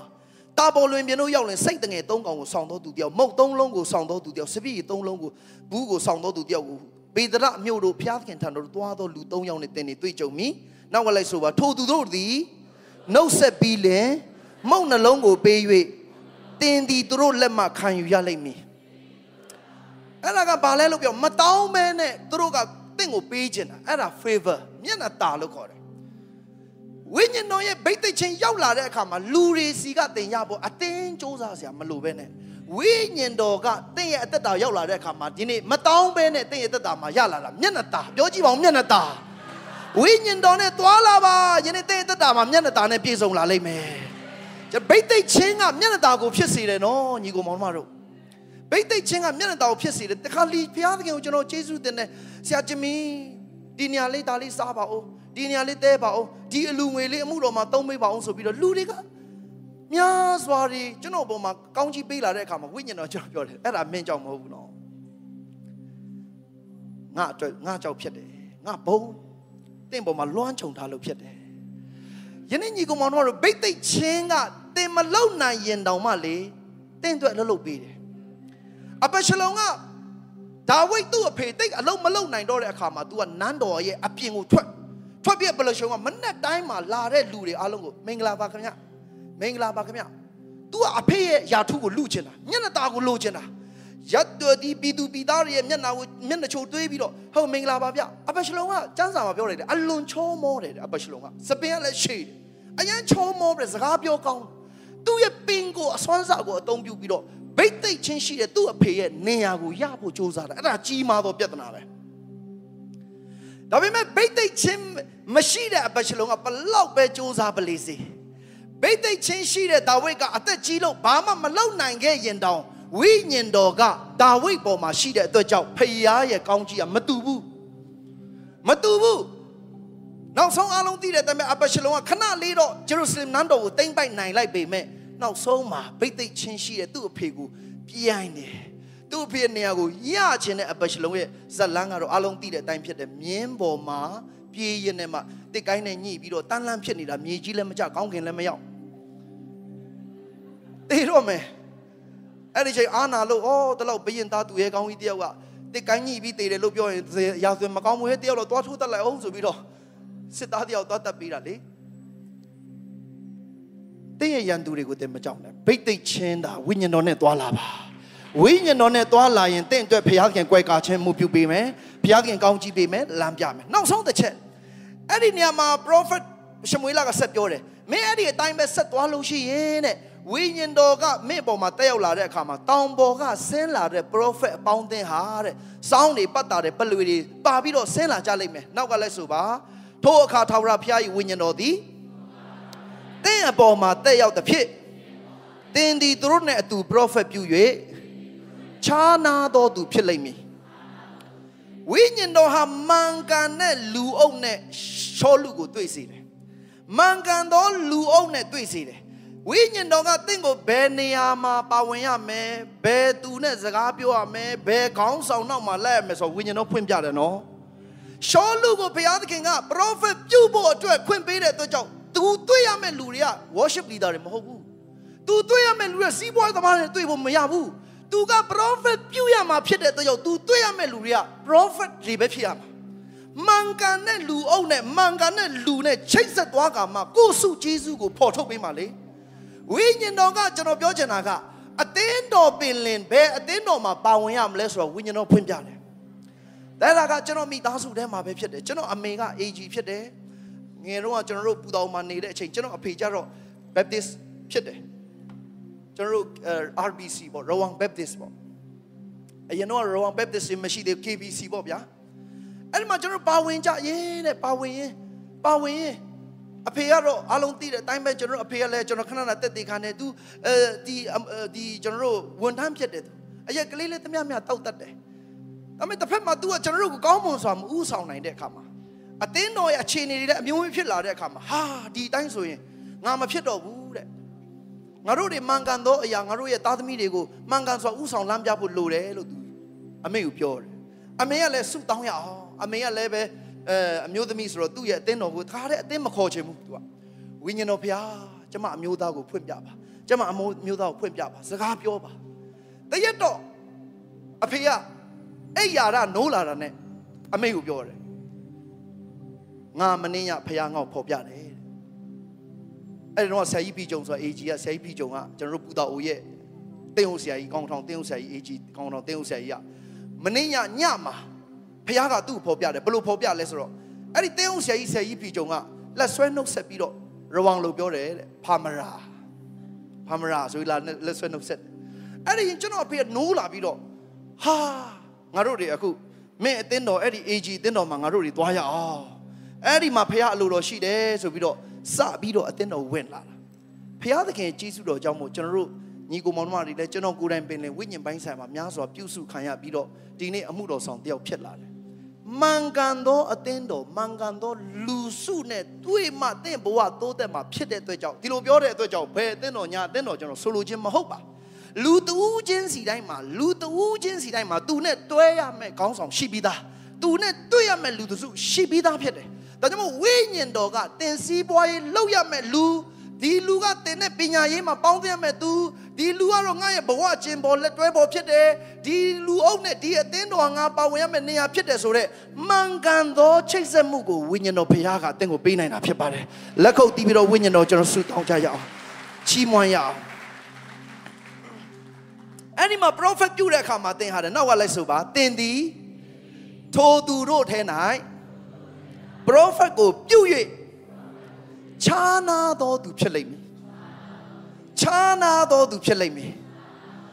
တကယ်တော့ prophet တွေကသူ့ထက်ဝါရင့်တဲ့ prophet တွေပဲရှောလူကအခုမှ prophet ပြုမှာနှုတ်နယ်တဲ့သူပေါ့ဗျာတနည်းပြောမှဆိုရင်တိုးတော့ဝိညာဉ်တော်ကသူနဲ့အတူပါလာတဲ့အခါမှာနောက်ကလိုက်ဆိုပါ prophet ပြု၍ခြားနာသောသူဖြစ်လိမ့်မယ်ဝိညာဉ်တော်ဘိတ်သက်ရောက်လာတဲ့အခါမှာနော် လူတွေကတင့်ရှိမှမြောက်များစွာစ조사ခဲ့တဲ့အရာကိုသင်မလိုက်နိုင်ပေမဲ့ဝိညာဉ်တော်ကတင့်ကိုဘိတ်သက်အသုံးပြုလာတဲ့အခါမှာသင်ဟာတပါးသောသူတွေထက်ခြားနာသောအသက်တာရှိလာလိမ့်မယ်ထူးဆန်းတဲ့အသက်တာသင်စကားပြောလိုက်တယ်သင်လှုပ်လိုက်တယ်သင်အမှုရာထဲမှာသွားလာဟာဒီလို့တကယ်ထူးဆန်းတာပါလားကျွန်တော်တို့ဝိညာဉ်ရေးရမှာခြားနာဖို့အတွက်လူရဲ့စ조사မှုနဲ့မရဘူးဝိညာဉ်တော်နဲ့သွားရအောင်ဝိညာဉ်တော်ကိုစာငတ်ရအောင်ဝိညာဉ်တော်နဲ့ဘိတ်သိက်ချင်းခံယူရအောင် ကျွန်တော်ကျမ်းစာကြောင်းတက်တဲ့အခါမှာဝိညာဉ်တော်ဘိတ်ဘာဒီဆန်ကိုအရန်စာငတ်တယ်ဆရာတွေကဆူတောင်းပေးတယ်နိုင်ငံခြားဆရာရောက်လာတယ်ဝိညာဉ်နှစ်ချင်းဘာသာစကားဝိညာဉ်ဘိတ်သိက်ချင်းကိုကျွန်တော်ထိုးပေါက်ချင်းနဲ့ကျွန်တော်ရချင်းနဲ့မရနိုင်ဘူးဆရာတွေကဆူတောင်းပေးတဲ့အခါမှာရှေ့ထွက်လာကြပါလို့ပြောတဲ့အခါကျွန်တော်ရှေ့ထွက်တယ်ဆရာတွေကလည်းဆူတောင်းပေးတယ်လက်တင်ဆူတောင်းပေးတယ်အဲ့ဒီဆရာကျွန်တော်ဘက်ကိုမလာဘူးကျွန်တော်လည်းအဲ့ဒီသူ့နားကိုရွှေ့တယ်ရွှေ့တယ်ဖြည်းဖြည်းချင်းရွှေ့တယ်ကျွန်တော်ခေါင်းကိုကင်ခါနီးမနောက်တကောင်းပြန်ကင်သွားတယ် ပြန်ကြော်သူသွားတဲ့ဘက်ပဲကျွန်တော်သွားနေတာကိုစူးစမ်းမှုနဲ့ရှာတာလေနော်လိုချင်တာအဲ့ဒါနဲ့မရဘူးမရဘူးနှစ်ခေါက်သုံးခေါက်ဆူတောင်းတယ်မရဘူးဝိညာဉ်တော်ဘုရားကျွန်တော်ကိုတော့ကိုလိုချင်တယ်ကိုတော့သိတယ်နော်ကိုတော့သိတယ်နော်အဲ့ဒါနဲ့ကျွန်တော်အဆောင်ရောက်တဲ့အခါမှာကျွန်တော်တို့ပဇွန်တောင်ဆောင်အခုဒီမမိသေးတယ်ဒီဘက်မှာအဲအဆောင်မြည်ဘူးဆောင်အိမ်တာရီချိုခန်းကျွန်တော်တို့ကစုတောင်းမဲ့နေရာဆိုရင်မနေ့ညနေ6နာရီဆိုရင်လူတွေကပြည့်တယ်မနေ့4နာရီဆိုလူတွေကကြက်ကာကောင်းဝင်ရပြီဟိုဘက် ဟိုကျွန်တော်တို့ဒီစင်းကြံမှာတနေရာရပြီဆိုနောက်တလူကစုတောင်းလို့မရတော့အဲမြူးကြောင်ဘက်မှာတယောက်နောက်ဆုံးရေချိုးခန်းအဲနောက်ဆုံးမှနောက်ကြတဲ့ဘက်ကအိမ်တာအဲ့လိုစုတောင်းတော့လူရတာအခန်းနေလွတ်တဲ့နေရာကျွန်တော်အဲ့ဒီနောက်ကြတော့ကျွန်တော်ရေချိုးခန်းရောက်သွားတယ်ရေချိုးခန်းရောက်ပြီးတော့ကျွန်တော်စုတောင်းတယ်ဝိညာဉ်တော်ကိုကျွန်တော်တကယ်ပဲစာငတ်စွာတယ်ကိုတော့ကျွန်တော်မပေးဘူးလားဝိညာဉ်တော်ရဲ့တမန်တော်တွေတွေ့ကြုံခဲ့တဲ့အဲ့ဒီဝိညာဉ်နှစ်ချင်းခရစ်တော်အပြင်ကျွန်တော်ရပြီးပြီလေကိုတော့ကျွန်တော်ကိုပေးပါ ကိုတော့ကိုကျွန်တော်စာငတ်တယ်ဆူတောင်းကျွန်တော်မနေ့၄နိုင်ကလေးဆူတောင်းဆရာတွေလက်တင်ချင်းကလည်းမခံရတဲ့အခါကျတော့ကျွန်တော်ကြေကွဲပြီးဆူတောင်းဝိညာဉ်တော်ဖခင်ကျွန်တော်ပါပြောတယ်ပါခံစားစီလဲဆိုတော့နေငါ့ကိုတကယ်လိုချင်သလားလူများတွေလိုက်ပြောတဲ့အခြားသောပါစကားတွေလိုက်ပြောတဲ့အတွက်ကြောင့်နင်ကလည်းအဲ့ဒီလိုပြောချင်တဲ့စိတ်နဲ့ပဲနင်ပြောရချင်တာမဟုတ်ဘူးလားဟာအဲ့ဒီမှာဟုတ်တာပြီကျွန်တော်ဟုတ်တာပဲငါအခြားသောပါစကားမပြောနိုင်လို့ငါအယမ်းအားငယ်နေတာဒါကြောင့် တကယ်တော့အဲ့ဒါကိုရချင်လို့ဆိုတော့တဲ့ပုဂ္ဂိုလ်တည်ဟူသောဝိညာဉ်တော်ကျွန်တော်ရဖို့လိုပါလားအဲ့ဒီပုဂ္ဂိုလ်တော်ဝိညာဉ်တော်ပဲကျွန်တော်လိုပါလားဆိုတော့ကျွန်တော်ပို့ပြီးအဲ့ဒီမှာကျွန်တော်ငိုတာအဲ့ဒီမှာကိုတော်မှန်ပါတယ်ကျွန်တော်တငယ်ချင်း9ယောက်ကအခြားတော့ပါစကားပြောနေပြီကျွန်တော်မပြောနိုင်သေးဘူးကျွန်တော်တစ်ဆင့်နိုင်တယ်လို့ကျွန်တော်ခံစားနေတာအဲ့ဒီအခြားတော့ပါသူတို့ဖွက်တွေပြောတာကိုကျွန်တော်မပြောနိုင်လို့ညံ့ညံ့ပြောချင်နေတာတကယ်တော့ကျွန်တော်မာနေပြီဝိညာဉ်တော်ကျွန်တော်စကားပြောပြီးတော့ ပုဂ္ဂိုလ်တော်တည်ဟူသောဝိညာဉ်တော်ကကျွန်တော်ရှေ့ကိုဆင်းကြွလာသူခံစားပြီးကျွန်တော်ပုဂ္ဂိုလ်တော်ကိုတော့ပဲလိုချင်တယ်ကျွန်တော်ကိုတော့ကိုကိုတော့ကိုကျွန်တော်ကျွန်တော်ကိုကိုတော့ပိတ်သိပ်ပါဆိုပြီးဆူတောင်းလာတဲ့အခါမှာဝိညာဉ်တော်ကကျွန်တော်ပေါ်မှာပိတ်သိပ်လာတယ်ဝိညာဉ်တော်ရဲ့လွှမ်းမိုးခြင်းခံစားလာတယ်ဝိညာဉ်တော်ရဲ့မေတ္တာနဲ့ခံစားဒါပေမဲ့အပြစ်တော့မတင်ဘူးနော်ဝိညာဉ်တော်ကကျွန်တော်ပေါ်မှာဖခင်ရဲ့မေတ္တာခံစားလာပြီးကျွန်တော်ငိုကြွေးပြီးကိုတော့ကျွန်တော်ပုဂ္ဂိုလ်တည်ဟူသောကိုတော့ကိုတာ၍နီးစေပါကိုတော့ကိုတာလိုတယ်လို့ပြောတာ ਨੇ စပြီးတော့အခြားတော့ပါစကားစထွက်လာတယ် ရပပရှတရကစကိတရိကိစကိတရိကိစကိရလို့မရတော့ဘူးပါဇက်ကရလို့မရရေစကိတရိကိ6နိုင်ထိုးလာပြီအထက်အဖွက်တွေကရေချိုးခံပါလို့ပိတ်ထားလဲတုံတုံတုံရေစကိထိခိထိရလို့မရတော့ဒီပါဟောက်ကောင်မြင်မြင်လောက်တော့ဒီဘက်ကတကားဖွင့်ပြီးတော့ပါလို့နေတယ်ရေစကိထိထိထိထိဒါပဲဖြစ်နေအာဒီမှာတိုင်းပိတ်စကိစတကားပြောတာထိတ်ချုပ်လို့မရတော့ဘူး ထိန်းချုပ်လို့မရတော့ကျွန်တော်ပေါ်မှာသစုံတစ်ခုလွှမ်းခြုံလာတယ်ဝိညာဉ်တော် reset တဲ့အဲ့ဒီနေ့ကကျွန်တော်အဆောင်မသမင်းချက်ရမယ်အလဲရောက်တာသမင်းချက်တဲ့အလဲလေအဲ့ဒီချိန်ကျွန်တော်ပါပြောဂျင်မီပါဟင်းချက်မလား right side ထိတ်ဖိတ်ထိတ်ထိတ်ဟင်းက right side ထိတ်ထိတ်ဟင်းဖြစ်နေ အာမဖြစ်တော့ပါဘူးဆိုပြီးကျွန်တော်အောက်မှာဟိုကတော့ဝယ်တာလေဟိုပါလေဟိုဟင်းချုံမုတ်တို့စားတို့အောက်မှာအောက်မှာအောက်မှာရောင်းတာအဲ့ဒီအန်တီဆိုင်ပါ race stick တလားကိုထိန်းလို့မရတော့ဘူးနော်ဝိညာဉ်တော့ race stick ထိတ်ဖိတ်ထိတ်ရှောက်ပြောနေတယ်မှာအဲ့ဒါဟိုတယောက်ကအေးဟိုတပ်ဟိုရရညီလေးပတ်စံယူသွားလေ right side ထိတ်ဖိတ်ထိတ်ဖိတ်အဲ့လိုပဲဖြစ်နေတော့ဟိုတော်တော်တော်တော့မပေးတဲ့အခြားသောပါစကားနဲ့ဈေးဝယ်တာအလကားရတယ်နော်တော့တော့တော့တယ်နားမလဲဘူး သူထင်တာကတော့ဟိုးဒီဘက်တောင်ပေါ်ကကချင်ကောင်လေးတယောက်ထင်တယ်သူတို့နားမလဲတိုင်းရင်းသားစကားထင်နေပါတော့ rich စိတ်ထိတ်ပိတ်ပိတ်ပိတ်ပိတ်စစ်ဖြစ်နေတော့တော်တော်တော်ယူတော့ယူတော့တယ်အခြားသောပါစကားနဲ့ဈေးဝယ်တာလက်ကားရတယ်တော့တော့မစမ်းမိကြနဲ့နော်အဲ့ဒီနေ့ကစပြီးတော့ကျွန်တော်၃ရက်လုံးလုံးငိုတာငိုတာငို တာငိုတာစူးလေဖက်ကိုလမ်းလျှောက်ပြီးတော့လွယ်အိတ်ကလေးကင်ပြီးတော့ကြောင်းတက်တော့ငိုတာလူတွေလမ်းလျှောက်နေတဲ့ချိန်အလိုလိုမြင်စီကြဝိညာဉ်တော်ကဒီလူတွေဟာငါ့ကိုမသိရင်ငရဲသွားမှာဟိုး၃ရက်လုံးလုံးကျွန်တော်ငိုတာကျွန်တော်ဘဝမှာကြီးမားဆုံးဝိညာဉ်တော်ရဲ့အထူးထပ်စွာဗိတ်သိက်ခါတဲ့အဲ့ဒီ၃ရက်ပြီးတော့ဒီလာမဲ့လာခဲ့တဲ့ဒီအဲတတလအတွင်းမှာနှစ်ဆန်းကလေးကနေကျွန်တော်ကျွန်တော်ကိုဖျားစင်စကားပြောပြီးတော့ဝိညာဉ်တော်မျက်မှောက်တာစောင်းတစ်ခုလို့ကျွန်တော်ခြုံထားတာ လွမ်းခြုံထားတဲ့အဲ့ဗိတ်သိက်ချင်းခံစားတယ်ဘဝမှာနှစ်ခါရှိပြီကျွန်တော်ယုံတယ်ဒီတစ်ခေါက်ဆရာဇန်ပြကျွန်တော်ခေါ်တဲ့အခါမှာဆရာလုပ်ပါဆရာလာပြီးပါဦးကျွန်တော်တို့သူတို့ကဖြတ်တန်းရအောင်ကျွန်တော်အေးဟိုဘက်က AG အတင်းတော်မှာလဲကျွန်တော် conference တခုကတိုက်တယ်မျိုးမျိုးကျွန်တော်ပြဖះကျွန်တော်သွားပါသွားပါနမိတ်လက္ခဏာဖြစ်မယ်အကြီးမားဆိုတာ အော်ဘယ်နမိတ်လက္ခဏာစဖြစ်တာလူတွေကောင်းကြီးမရသေးဘူးကျွန်တော်ကောင်းကြီးရတယ်အဲပြုံးလွင်တက်တဲ့အချိန်မှာကျွန်တော်ရဲ့ခြံကို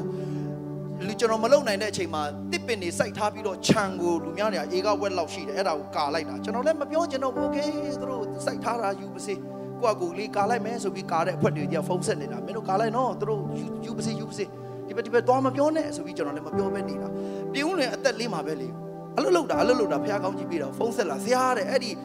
အတော်ကအဲ့ဒီအန်တီက ဒီမြေကတော့ဆရာတို့မြေဖြစ်တယ်တဲ့စိုက်ထားတာကျမစိုက်ထားတဲ့အတွက်ကြောင့်တစ်ပင်ဖိုးလေးတော့ပြန်ပေးပါစေတဲ့ဟာပေးမယ်ပေးမယ်ပေးမယ်လို့အဲ့ဒါတော့ဖះကလေကိုပြောရင်တောင်နဲ့ရံဖြစ်ဖို့စကားများပါညာဖြစ်အောင်မယ်နော်ဘာမှမပြောအမှုတော်တဲ့ပါလာတာနဲ့ဖះမှာအလုပ်လုပ်နေတာအလုပ်လုပ်နေတာ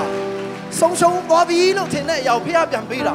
ကျွန်တော်တက်တဲ့နဲ့လာတာအဲ့ဒီတင်တန်းကိုလေတက်တဲ့နဲ့သွားပြီးတော့အဲ့ဒီမနေ့၄နိုင်မှာဆူတောင်းကြီးအဲ့ဒီမှာကျွန်တော်တို့အဲ့ဒီ၄နိုင်ကလေးဝိညာဉ်တော်ကျွန်တော်စကားပြောနေပြီတောင်းလျှောက်စကားပြောနေပြီ ကျွန်တော်ထပြီဝိညာဉ်တော်လှုပ်လှုပ်ပဲဆိုတော့တည်တယ်အောဘွေရအဲ့ဒီမှာအောဘွေရအခုတိတ်ချင်းအဲ့ဒီဘိတ်သိတ်ချင်းကဒီနေ့မှလည်းကူးဆက်မှာဖြစ်တယ်ဝိညာဉ်တော်ရဲ့ဘိတ်သိတ်ချင်းဒီမှာရောက်လာတော့ရောက်တိုင်းပေါ်မှာကူးဆက်မှာဖြစ်တယ်ဒါကြောင့်ညီကောင်မောင်မတို့ဒီနေ့တန်ရှင်တော်ဝိညာဉ်တော်မပါဘဲနဲ့ကျွန်တော်တို့ခြေသလားမှမလန်းနိုင်ဘူးဝိညာဉ်တော်ပဲကျွန်တော်တို့ကိုးစားရအောင်ရှင်ပြန်ထမြောက်ခြင်းအဖြစ်ကျွန်တော်တို့ကိုပေးခဲ့တဲ့အမျက်ဆုံးသောကောင်းကြီးဟာတန်ရှင်သောဝိညာဉ်တော်ဖြစ်တယ်။ ယေရှုထမြောက်ပြီးတော့ဝိညာဉ်တော်သွန်းလောင်းတာနော်။မောရှိရဲ့တရားတမဟောင်းကာလမှာဝိညာဉ်တော်ကိုသွန်းလောင်းလို့မရဘူး။ခြေဆုတရားတည်းဟူသောသခင်ယေရှုခရစ်တော်တင့်ကိုယ်စားအသေးခံလာမှဝိညာဉ်တော်ကိုတင့်ကိုဝိညာဉ်တော်သွန်းလောင်းတာ။အဲ့ဒီဝိညာဉ်တော်ဟာတင့်ထဲမှာဘုရားသားဖြစ်ခြင်းကိုအတိမတ်ပြုပေးသလိုလောကမှာသင်ရှင်သန်နိုင်ဖို့အတွက်လည်းပဲဝိညာဉ်တော်ကတင့်ကိုတကူပေးမှာဖြစ်တယ်။နေပယ်အတီးတီးထဲမှာဝိညာဉ်တော်ရဲ့ပိတ်သိမ့်ခြင်းကိုလိုအပ်တာဖြစ်ပါတယ် ဝိညာဉ်တော်ပိတ်သိမ့်ခြင်းနဲ့အလုပ်လုပ်တော်သူများဖြစ်ရအောင်ဒီနေ့ရှင်ပြန်ထမြောက်ခြင်းတကိုးတော်ကိုဖြစ်စေသောဝိညာဉ်တော်ကသင်တို့တယောက်တိုင်းကိုပိတ်သိမ့်ပါစေမိသားစုတိုင်းကိုဖခင်ကောင်းကြီးပေးပါစေယနေ့ကျွန်တော်ဝိညာဉ်တော်ပိတ်သိမ့်ခြင်းဒီနောက်ဆုံးသောကာလမှာပိုးတော်လို့တယ်လူတွေကအလိုလိုနေရင်းနဲ့အခန်းထဲမှာစိတ်သက်ကြနေတဲ့ချိန်တော့ဒီချိန်ဘာမှမဟုတ်ဘဲနဲ့စိတ်သက်ကြနေတဲ့အချိန်တကိုးလို့တယ်ကျွန်တော်ပတ်စံမှာလည်းတကူရှိတယ်အာနာမှာလည်းတကူရှိတယ် ဆင်းရဲခြင်းမှာလည်းတကူရှိတယ်အရက်မှာလည်းတကူရှိတယ်ကြည်စမ်းအရာအလုံးသူတကူနဲ့သူသွားနေတာခင်ဗျားဘလို့ရှင်တမ်းလဲဝိညာဉ်တကူမရှိပဲအရာအလုံးကသူ့တကူနဲ့သူသွားနေတာလိုင်းကြောင်းတွေအကုန်ရှိနေတာအဲ့ဒီထဲမှာအမျက်ဆုံးအဲ့ဒီထဲမှာတကူအကြီးမားဆုံးကတော့ယေရှုခရစ်တော်ရှင်ပြန်ထမြောက်ခြင်းပဲပေးတဲ့ဝိညာဉ်တော်ဖြစ်တယ်အဲ့ဒီဝိညာဉ်တော်ကအသင်ကိုမဆသွားမယ်ဝိညာဉ်တော်အသင်ကိုမဆသွားမယ်